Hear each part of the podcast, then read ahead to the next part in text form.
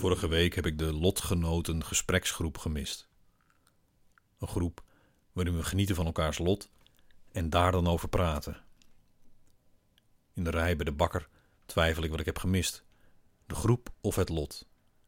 Of werd ik gemist zoals een argeloze voorbijganger rakelings gemist kan worden door een kogel bij een liquidatie? Soms is gedeelde smart gewoonweg dubbele smart. De groep verlaten kan, zo blijkt uit ervaring, maar alleen door genezen of sterven.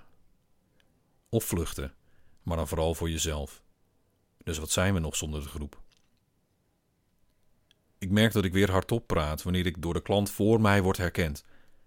Haar naam ken ik niet, maar zij is ook deel van de groep. Zij was er wel. Vorige week was ik niet. Ik was niet alleen er niet, maar ook gewoon niet. Nu wel. Ze stopt een zak van tien witte bolletjes in haar boodschappentas. Ik ken haar lot. Ze is alleen.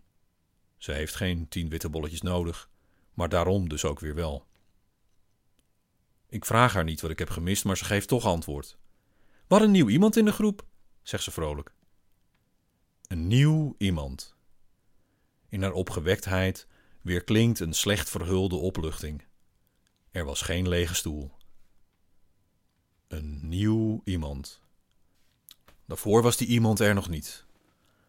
Te midden van een semi-ronde kring van basisschoolstoeltjes manifesteerde zich kennelijk vorige week plotsklaps een amorfe berg vlees, geboren uit niets dan licht en leegte, sissend en bibberend als iets uit de tweede acte van een David Cronenberg film. Terwijl de groep zangerig vol bleef houden dat de rillende massa roze klonten vooral moest blijven delen, bij zichzelf moest blijven en zelf het tempo aan moest geven, muteerde het gestaag tot een mensvorm, compleet met verwassen spijkerbroek en retro t-shirt. Hallo iemand, zei de groep. Het huilde, bedankte voor de tijd en nam toen plaats op mijn lege stoel. Het was nieuw, maar meteen al toe aan therapie, zoals het hoort. Een nieuw iemand. De stoel was gevuld, dus de groep was gerust. Want erger dan in de groep zitten, is erin zitten, terwijl iemand anders er niet meer in zit.